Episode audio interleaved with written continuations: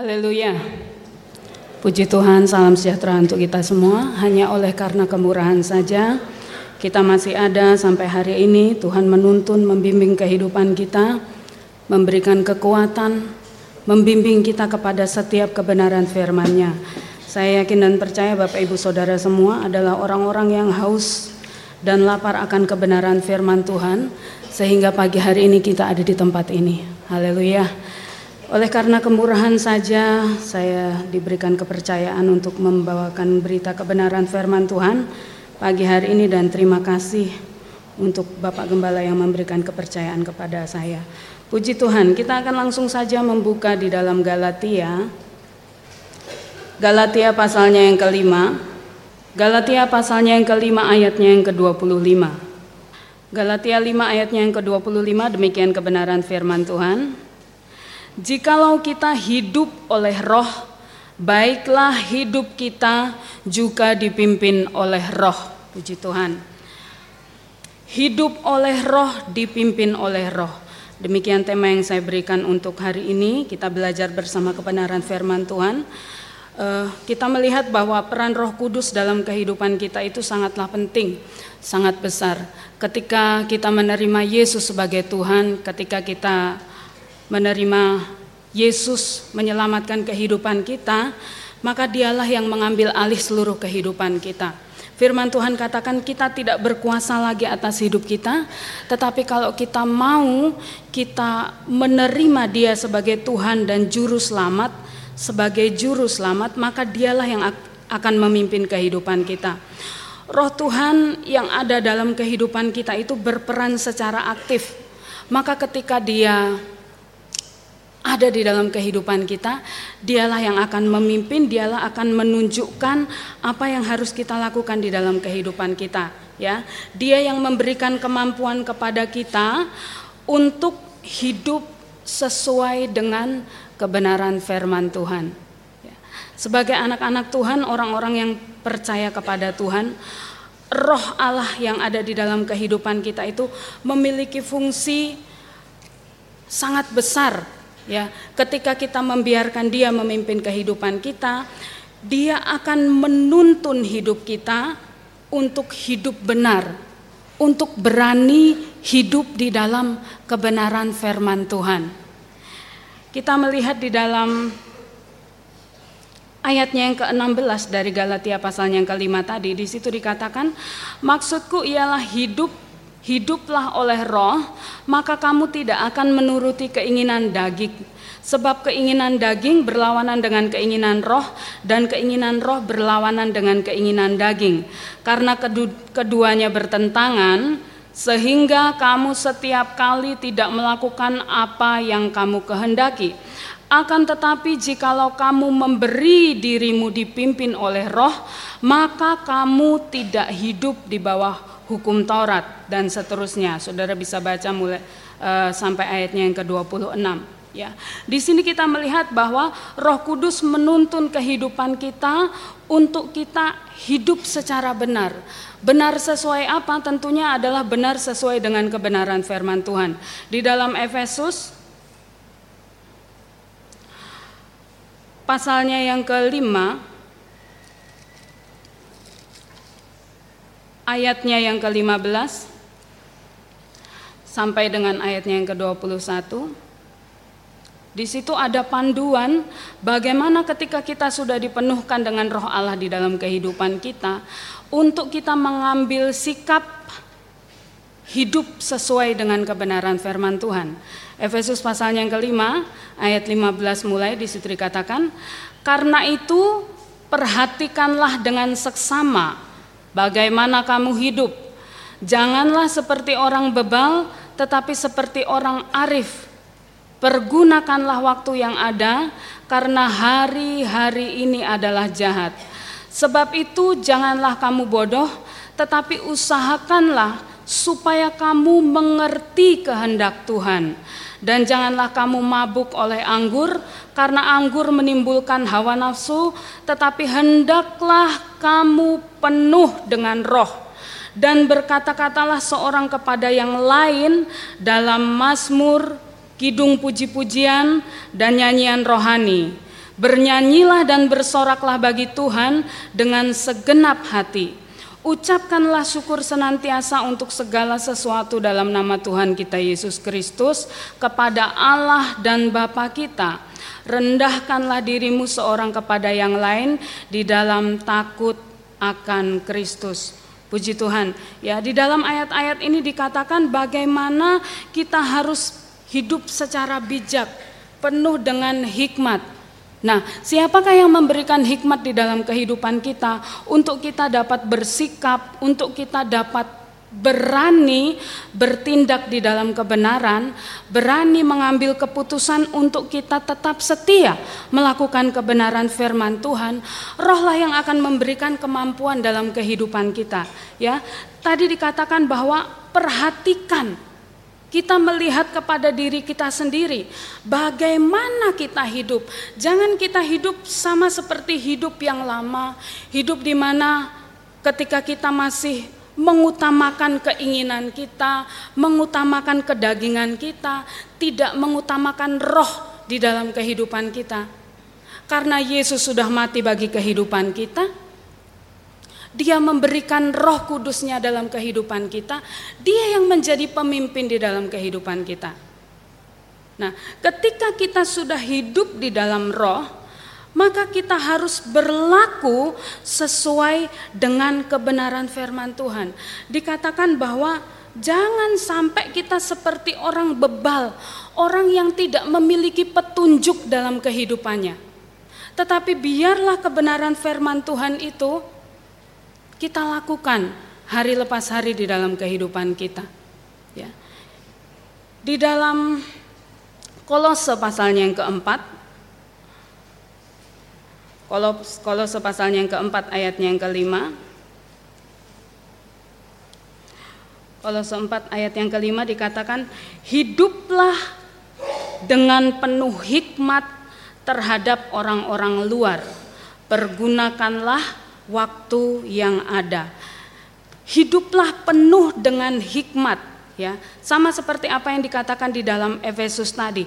Perhatikanlah bagaimana kamu hidup. Hidup sebagai orang yang arif. Hidup sesuai dengan kebenaran firman Tuhan. Tidak menyia-nyiakan waktu yang Tuhan sudah beri dalam kehidupan kita tetapi mempergunakannya sebaik mungkin untuk lebih hari kita lebih cinta kepada Yesus, lebih hari kita lebih taat lagi kepada kebenaran firman Tuhan, ya. Maka ketika kita jatuh di dalam pelanggaran, jatuh di dalam dosa, tidak melakukan kebenaran firman Tuhan itu secara tepat, itu artinya kita seperti orang yang bebal, ya yang tahu petunjuk hidup seperti apa yang sesuai dengan kebenaran firman Tuhan tetapi tidak mau melakukannya di dalam kehidupannya ya. Menebus waktu melakukan lebih banyak lagi melakukan lebih baik lagi sesuai dengan kebenaran firman Tuhan.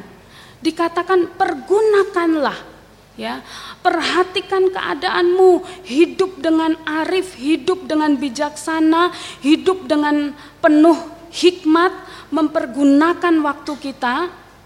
Dalam ayat yang ke-17 dikatakan jangan kamu bodoh tetapi usahakanlah ada tindakan di dalam kehidupan kita. Kalau dikatakan usahakanlah maka ada ada sesuatu yang kita lakukan berusaha. Tidak hanya kita menyerah kepada keadaan inilah kelemahan saya inilah kekurangan saya mohon dimaklumi mohon dimaafkan. Tidak saudara.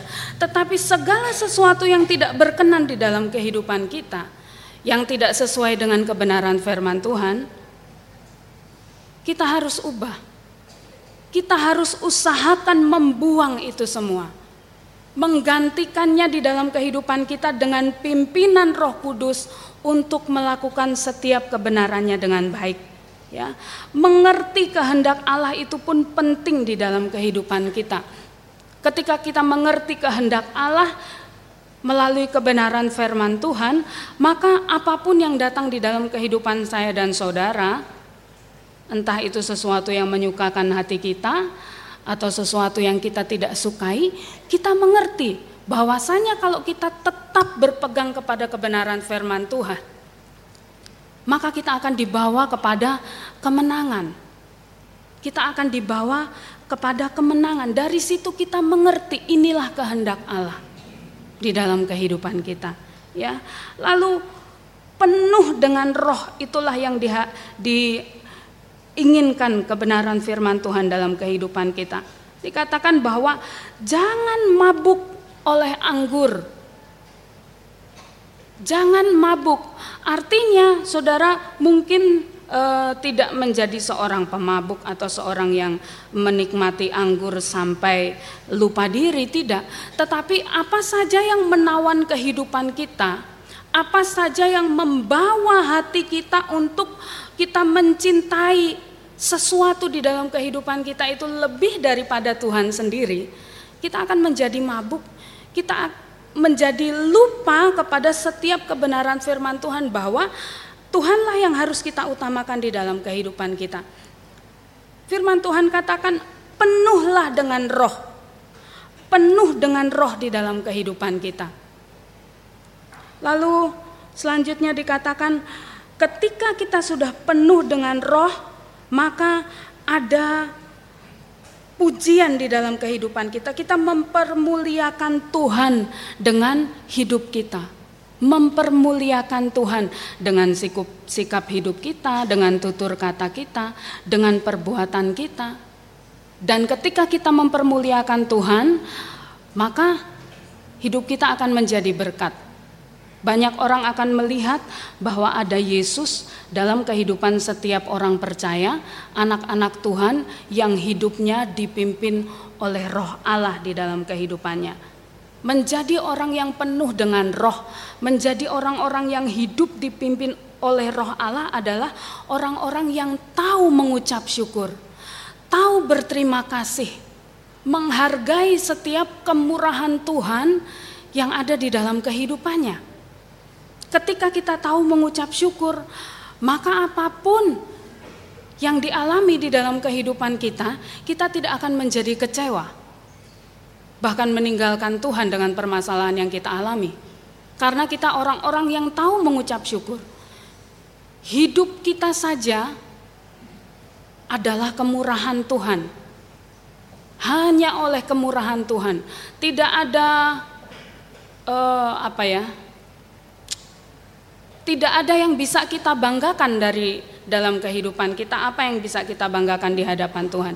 Semua yang ada dalam hidup kita adalah milik Tuhan. Tuhan yang memberinya dalam kehidupan kita.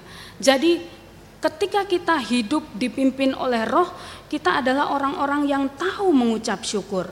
Lalu kita adalah orang-orang yang takut akan Allah senantiasa mengutamakan firman-Nya di dalam kehidupan kita.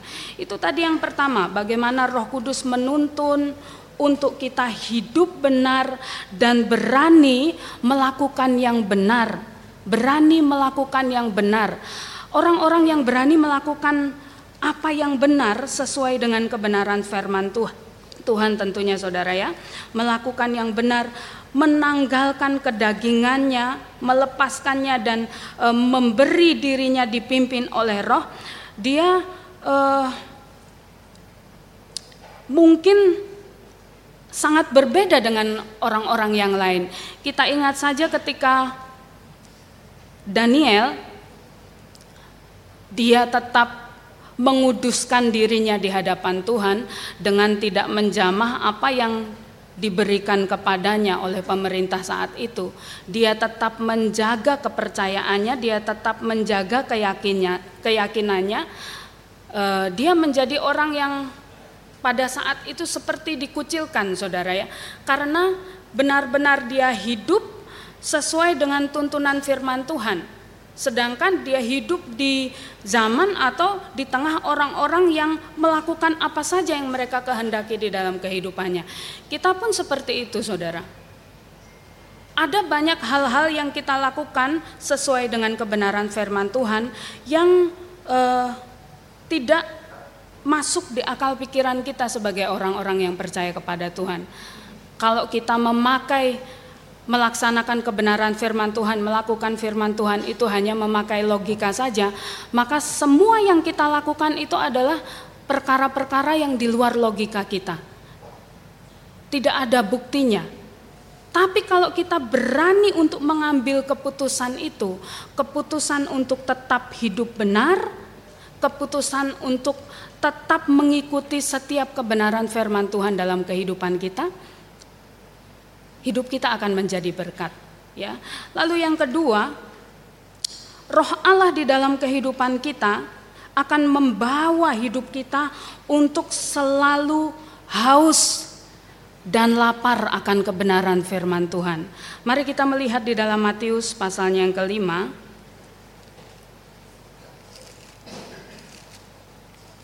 Matius pasalnya yang kelima ayatnya yang keenam. Berbahagialah orang yang lapar dan haus akan kebenaran karena mereka akan dipuaskan ya. Lapar dan haus akan kebenaran firman Tuhan ya. Orang yang dipimpin hidupnya dipimpin oleh Roh Allah, dia akan senantiasa e, merindukan tuntunan itu, merindukan firman itu di dalam kehidupannya. Satu contoh di dalam Yeremia Yeremia pasalnya yang ke 15 ayatnya yang ke-16 Yeremia 15 ayatnya yang ke-16 ini adalah kisah daripada Yeremia.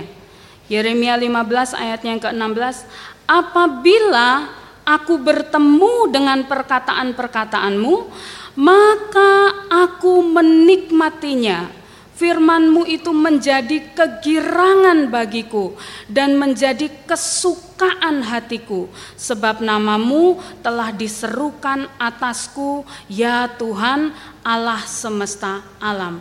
Ya. Firman Tuhan dikatakan ketika Yeremia bertemu dengan kebenaran firman Tuhan dia menikmatinya. Menikmatinya saudara. Artinya firman itu benar-benar uh, kita makan di dalam kehidupan kita. Kalau kita manusia secara jasmani kita memerlukan kekuatan dalam tubuh kita ini dan sumbernya adalah dari makanan, tetapi rohani kita perlu juga senantiasa dikuatkan.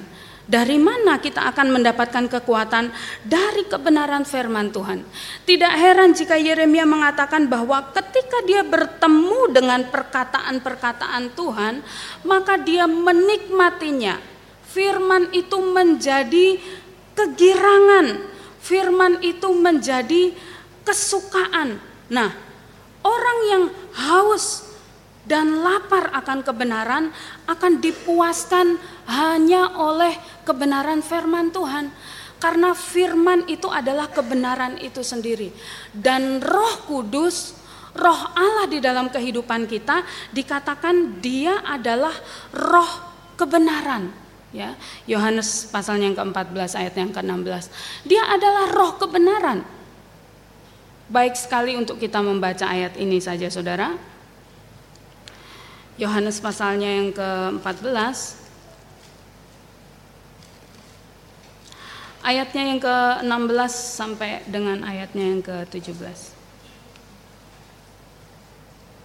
Ayatnya yang ke-15 mulai Jikalau kamu mengasihi aku kamu akan menuruti segala perintahku. Aku akan minta kepada Bapakku dan ia akan memberikan kepadamu seorang penolong yang lain supaya ia menyertai kamu selama-lamanya, yaitu roh kebenaran. Dunia tidak dapat menerima dia sebab dunia tidak melihat dia dan tidak mengenal dia. Tetapi kamu mengenal dia sebab ia menyertai kamu dan akan diam di dalam kamu. Dikatakan bahwa roh kebenaran. Jadi ketika roh kebenaran ini ada di dalam kehidupan kita, orang-orang yang percaya kepada Tuhan, kita akan senantiasa memerlukan kebenaran firman itu dalam kehidupan kita. Orang yang menyukai untuk mendengar kebenaran firman Tuhan dengan orang yang menerima firman Tuhan itu sangat berbeda saudara. Banyak orang yang hanya menyukai saja. Suka dengar firman Tuhan ya. Suka dengar di sini suka dengar firman, di sana suka dengar firman, di radio, di televisi suka dengar firman Tuhan. Tetapi kita tidak tahu apakah firman itu diterima atau firman itu hanya menjadi kepuasan bagi telinganya saja, memuaskan keinginan telinganya, atau dia menerima. Tetapi orang yang mau menerima kebenaran firman Tuhan, dia akan menyukai kebenaran firman Tuhan. Mau menerima, mau dibentuk, mau dididik. Ketika seseorang hanya mau mendengar kebenaran firman Tuhan saja, maka tidak akan ada pertumbuhan di dalam kehidupannya. Hanya suka, hanya sekedar suka saja, tidak menikmati, ya, tidak menjadikan sesuatu yang uh, perlu di dalam kehidupannya. Pokoknya hanya suka saja, suka dengar firman Tuhan. Kadangkala kita kan bersikap begini, seperti tidak adil begitu ya ketika kita terima firman Tuhan, ketika kita dengar kebenaran firman Tuhan, kita akan melihat pribadinya dulu. Jam terbangnya sudah tinggi atau belum? Dia sudah terkenal atau belum? Kalau anak baru kemarin, ya udahlah, sekedar aja pokoknya saya duduk tidak seperti itu. Saudara tidak akan mendapatkan berkat ketika kita melihat pribadi yang membawakannya. Tetapi kalau kita memandang firman itu, sebagai kebutuhan utama dalam kehidupan kita, di situlah kita akan dipuaskan. Di situ kita akan dikenyangkan. Ya, hanya memandang kepada pribadi saja, tulisan yang dibawakan ini dalam Alkitab yang kita miliki masing-masing, saudara, tulisan yang mati. Hanya benda mati saja tetapi kalau kita belajar menerimanya, menikmatinya dalam kehidupan kita, di situlah kita akan dibentuk, dipuaskan di dalam Tuhan. Yeremia orang yang sangat berbeda dari teman-teman sebangsanya saudara karena dia sangat menikmati firman itu. Sehingga kalau kita melihat di dalam ayatnya yang ke-17 ya dari Yeremia tadi pasalnya yang ke-15, di situ di, dikatakan bahwa tidak pernah aku duduk beria-ria dalam pertemuan orang-orang yang bersenda gurau. Karena tekanan tanganmu aku duduk sendirian sebab engkau telah memenuhi aku dengan geram. Dikatakan bahwa sampai dia membawa dirinya sendiri itu tidak sama seperti orang lain karena tetap mengikuti ajaran kebenaran firman Tuhan. Ya, firman Tuhan itu harus menjadi gaya hidup kita melakukan kebenaran firman Tuhan. Tapi sekarang banyak sekali orang-orang yang sudah merubah gaya hidupnya ya. Gaya hidupnya dirubah dengan uh, suka mendengarkan apa itu namanya? Apa sih? Orang-orang yang suka memberikan motivasi seperti itu loh ya saudara ya. Jadi mereka yang memberikan motivasi walaupun motivasi itu adalah motivasi-motivasi yang baik, suka banyak sekali pengikutnya. Tapi kita sebagai orang-orang yang percaya kepada Tuhan, saudara kembali kepada kebenaran firman Tuhan. Karena ini adalah kebutuhan kita. Entah itu keras, entah itu menegur kehidupan kita, entah itu membukakan, memperlihatkan kesalahan kita, menempelak dosa kita, tetapi kita harus terima. Karena dari situlah kita akan dipuaskan, kita akan dikenyangkan. Kalau kita melihat jemaat yang mula-mula saudara di dalam kisah para rasul, kisah para rasul pasalnya yang ke dua, Kisah 2 ayatnya yang ke-41 firman Tuhan katakan Orang-orang yang menerima perkataannya itu memberi diri dibaptis dan pada hari itu jumlah mereka bertambah kira-kira 3000 jiwa. Mereka bertek tekun dalam pengajaran rasul-rasul dan dalam persekutuan dan mereka selalu berkumpul untuk memecahkan roti dan berdoa. Ayatnya yang ke-47, sambil memuji Allah dan mereka disukai semua orang dan tiap-tiap hari Tuhan menambahkan jumlah mereka dengan orang-orang yang diselamatkan. Jadi ini adalah gaya hidup jemaat mula-mula. Mereka bertekun untuk melakukan kebenaran firman Tuhan. Bertekun untuk hidup sesuai dengan kebenaran firman Tuhan. Kalau tidak ada roh Allah di dalam kehidupannya, dia tidak akan menyukai teguran, dia tidak akan menyukai didikan. Dia akan hidup sesuai dengan kedagingannya. Apa yang dia suka, apa yang dia mau lakukan, ya, dia lakukan. Tapi kita sebagai orang-orang percaya hidup baru di dalam Tuhan. Kita hidup di dalam pimpinan Tuhan dan kita perlu firman itu untuk terus bekerja di dalam kehidupan kita ya, memperbaharui kehidupan kita, membawa kehidupan kita untuk lebih mengerti lagi, lebih memahami lagi.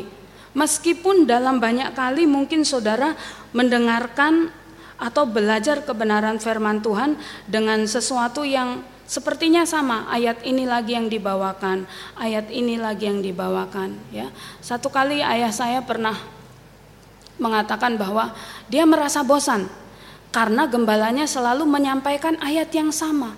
Itu lagi, itu lagi, ya. Setiap bulan itu itu terus. Satu dua kali saya tidak tanggapi, yang ketiga kali saya katakan kepada ayah saya, Tuhan punya maksud ketika dia berbicara berkali-kali di dalam kehidupan kita.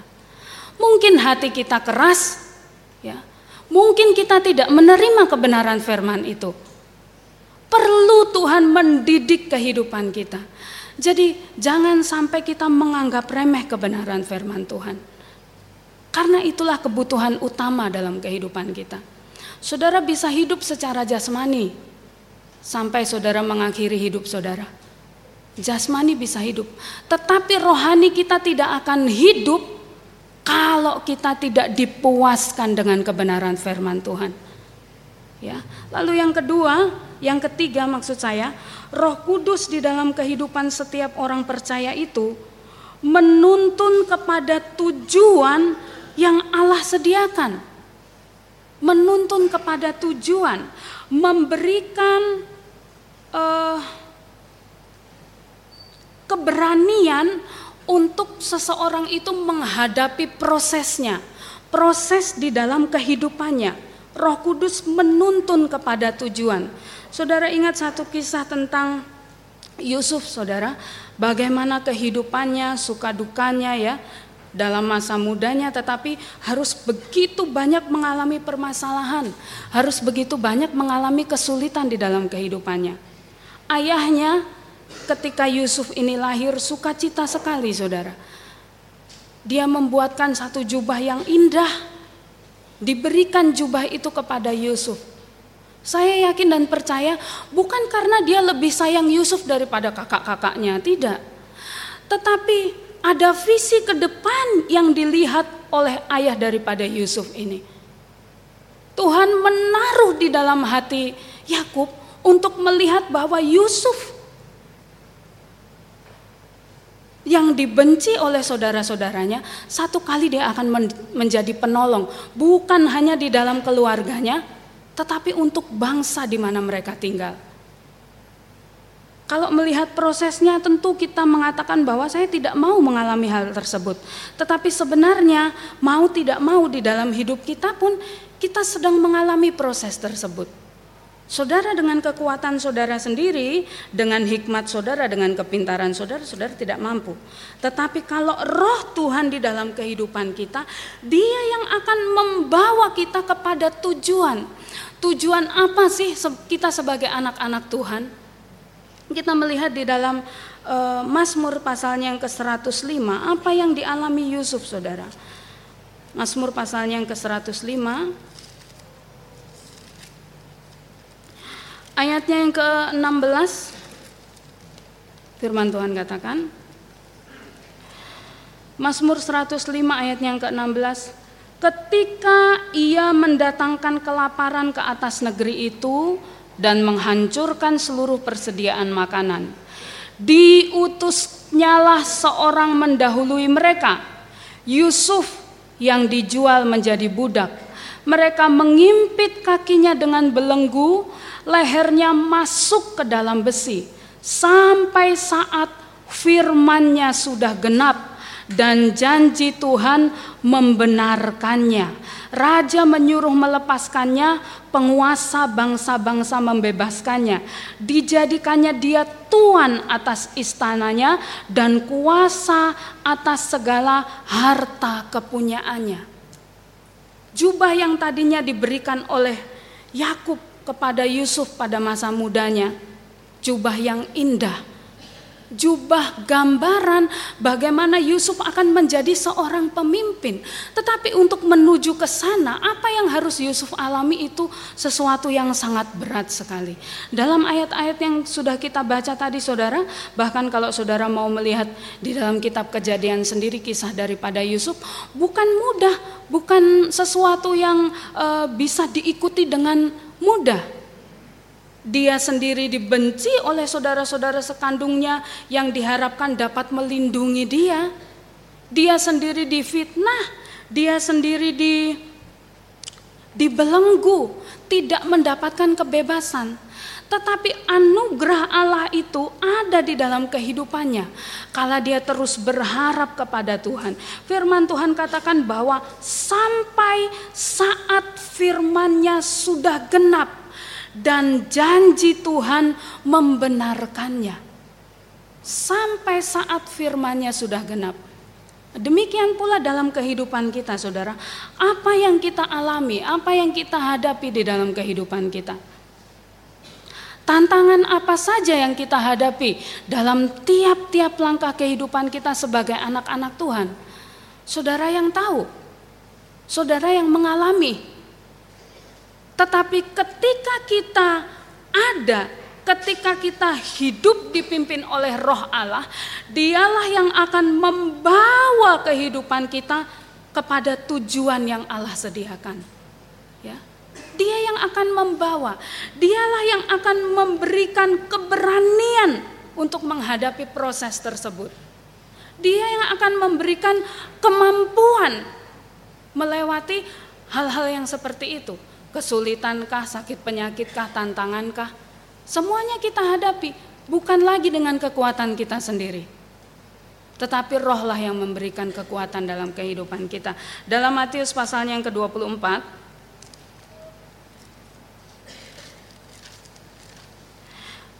Matius pasalnya yang ke-24 ayatnya yang ke-13 firman Tuhan katakan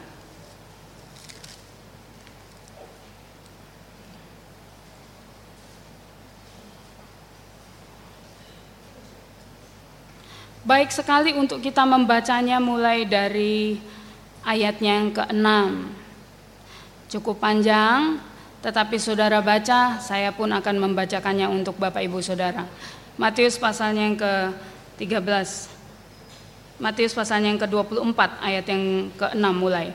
Kamu akan mendengar deru perang atau kabar-kabar tentang perang.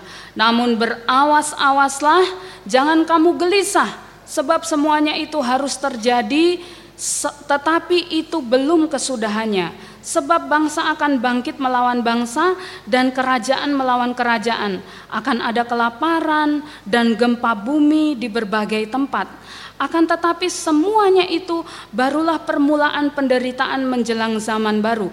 Pada waktu itu kamu akan diserahkan supaya disiksa dan kamu akan dibunuh dan akan dibenci semua bangsa oleh karena namaku dan banyak orang akan murtad dan mereka akan saling menyerahkan dan saling membenci. Banyak nabi palsu akan muncul dan menyesatkan banyak orang dan karena makin bertambahnya kedurhakaan, maka kasih kebanyakan orang akan menjadi dingin. Ayat yang ke-13, tetapi orang yang bertahan sampai pada kesudahannya akan selamat. Tetapi orang yang bertahan sampai pada kesudahannya akan selamat. Tidak akan menjadi mudah kehidupan ke depan yang akan kita lalui itu, saudara. Tetapi kita tahu bersama bahwa Yesus tidak pernah meninggalkan kehidupan kita. Dia akan membawa kita ketika kita mau bertahan. Ketika kita mau terus melakukan kebenaran firman Tuhan, menjadikan uh, hidup kita ini hidup sesuai dengan kebenaran firman Tuhan, kita akan dibawa kepada tujuan yang Allah sudah sediakan. Penting sekali untuk kita memiliki keberanian untuk menghadapi proses tersebut. Karena ketika kita membacanya lalu kita menjadi takut, Saudara, kita menjadi takut, kita tidak berani mengambil keputusan ke depan. Kalau kita mengalami hal-hal apa yang dituliskan di dalam kebenaran firman Tuhan yang sudah kita baca tadi. Tetapi Tuhan memberikan kemampuan di dalam kehidupan kita. Satu ayat lagi di dalam Yakub Yakobus pasalnya yang pertama ayatnya yang ke-12 Berbahagialah orang yang bertahan dalam pencobaan sebab ia sebab apabila ia sudah tahan uji ia akan menerima mahkota kehidupan ya. Jadi ketika kita menghadapi permasalahan lalu kita berdoa kepada Tuhan untuk Tuhan menolong kehidupan kita, tidak serta merta permasalahan yang kita hadapi itu uh, dilalukan dari kehidupan kita, tidak saudara. Tetapi Tuhan berikan kekuatan, kita minta Tuhan memberikan kekuatan dan hikmat untuk kita mengambil keputusan dengan tepat melewati masalah tersebut. Untuk kita dapat e, bertahan firman Tuhan katakan dalam pencobaan tersebut, dalam ujian tersebut untuk mencapai mahkota firman Tuhan katakan mahkota kehidupan kita harus bertahan tahan di dalam ujian. Nah, kalau kita tidak dipenuhkan dengan roh Allah, roh Allah tidak ada di dalam kehidupan kita. Roh Allah tidak memimpin kehidupan kita Siapa yang akan memberikan kekuatan kepada kita, saudara? Itulah sebabnya kita perlu senantiasa untuk hidup sesuai dengan pimpinan roh dalam hidup kita. Lalu yang keempat, hal yang terakhir, orang percaya yang dalam hidupnya dipimpin oleh roh Allah, dia akan menjadi saksi. Hidupnya akan menjadi saksi, ya. Di dalam Roma pasalnya yang ke-8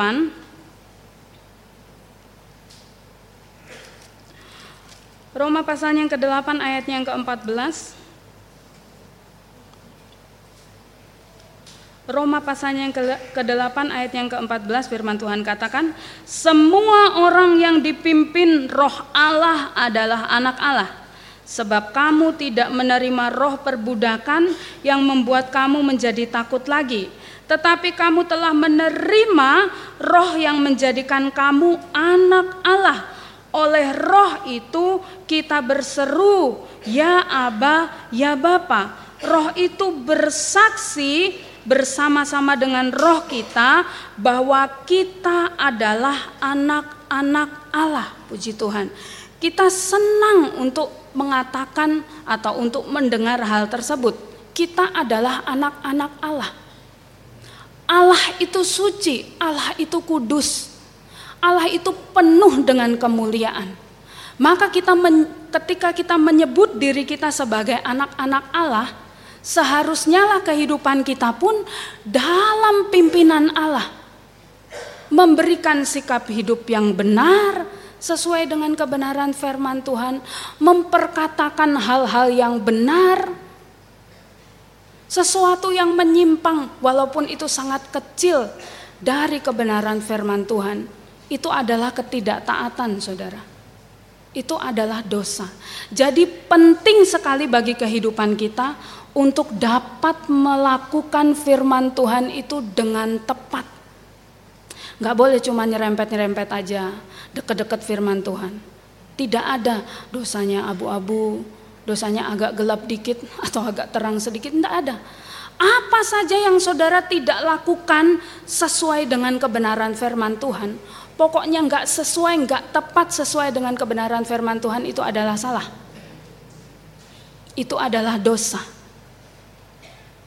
Maka ketika kita sudah menjadi anak-anak Allah, roh Allah ada di dalam kehidupan kita, seharusnya lah kita memberikan sikap hidup yang baik, contoh hidup yang baik, hidup di tengah orang-orang yang belum percaya kepada Tuhan, hidup kita harus menjadi berkat firman Tuhan katakan ya.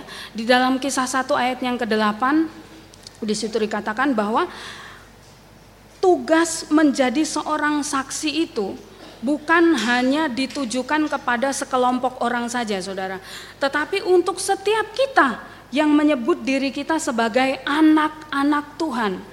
Kisah para Rasul 1 ayat yang ke-8, tetapi kamu akan menerima kuasa kalau Roh Kudus turun ke atas kamu dan kamu akan menjadi saksiku di Yerusalem dan di seluruh Yudea dan Samaria dan sampai ke ujung bumi. Akan menjadi saksi kepada siapa? Kepada kita semua di mana roh Allah diam di dalam kehidupan kita. Ya. Dalam 2 Timotius pasalnya yang pertama 2 Timotius pasalnya yang pertama ayatnya yang ketujuh.